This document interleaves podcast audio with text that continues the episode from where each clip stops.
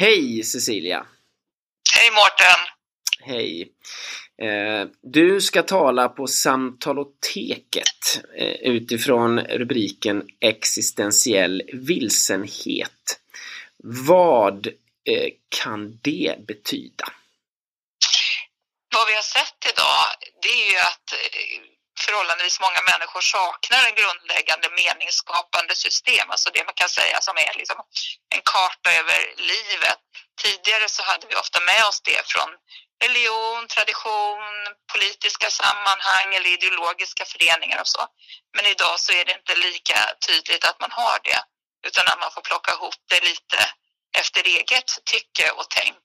Och det här gör att vi kan sakna resurser när livet är svårt och utmanande och man måste ställas inför stora val i livet. Och då har vi sett att det där är en så viktig del av hur vi mår att vi måste komplettera det traditionella hälsobegreppet med en existentiell dimension.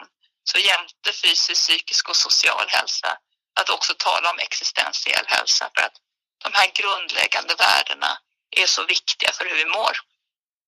Det låter ju jättespännande, men, men är inte det svårt att, att, att prata om? Eh, om man inte är religionspsykolog eh, som du är? Nej, det, det menar jag man inte. Jag fick en fråga en gång på en middag om inte det var svårt att forska på något som alla är experter på.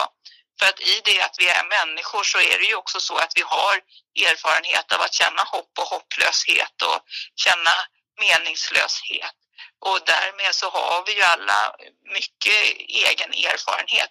Sen vad jag har gjort är ju det att jag har systematiserat det och beforskat det på ett sätt som vi gör att vi kan använda det för att skapa hälsofrämjande insatser. Men det är inte svårt att prata om, bara man får möjlighet och bara rummet öppnas på något sätt. Man mm. erbjuds möjligheten. Då, då hoppas vi att det blir så eh, när du kommer hit nu på måndag den 15 oktober. Tack Cecilia för detta. Jag ser fram emot att eh, lyssna på dig och eh, se vilka samtal som föds av din spännande forskning. Vi ses på måndag. Det ska bli jätteroligt. Jag ser fram emot det.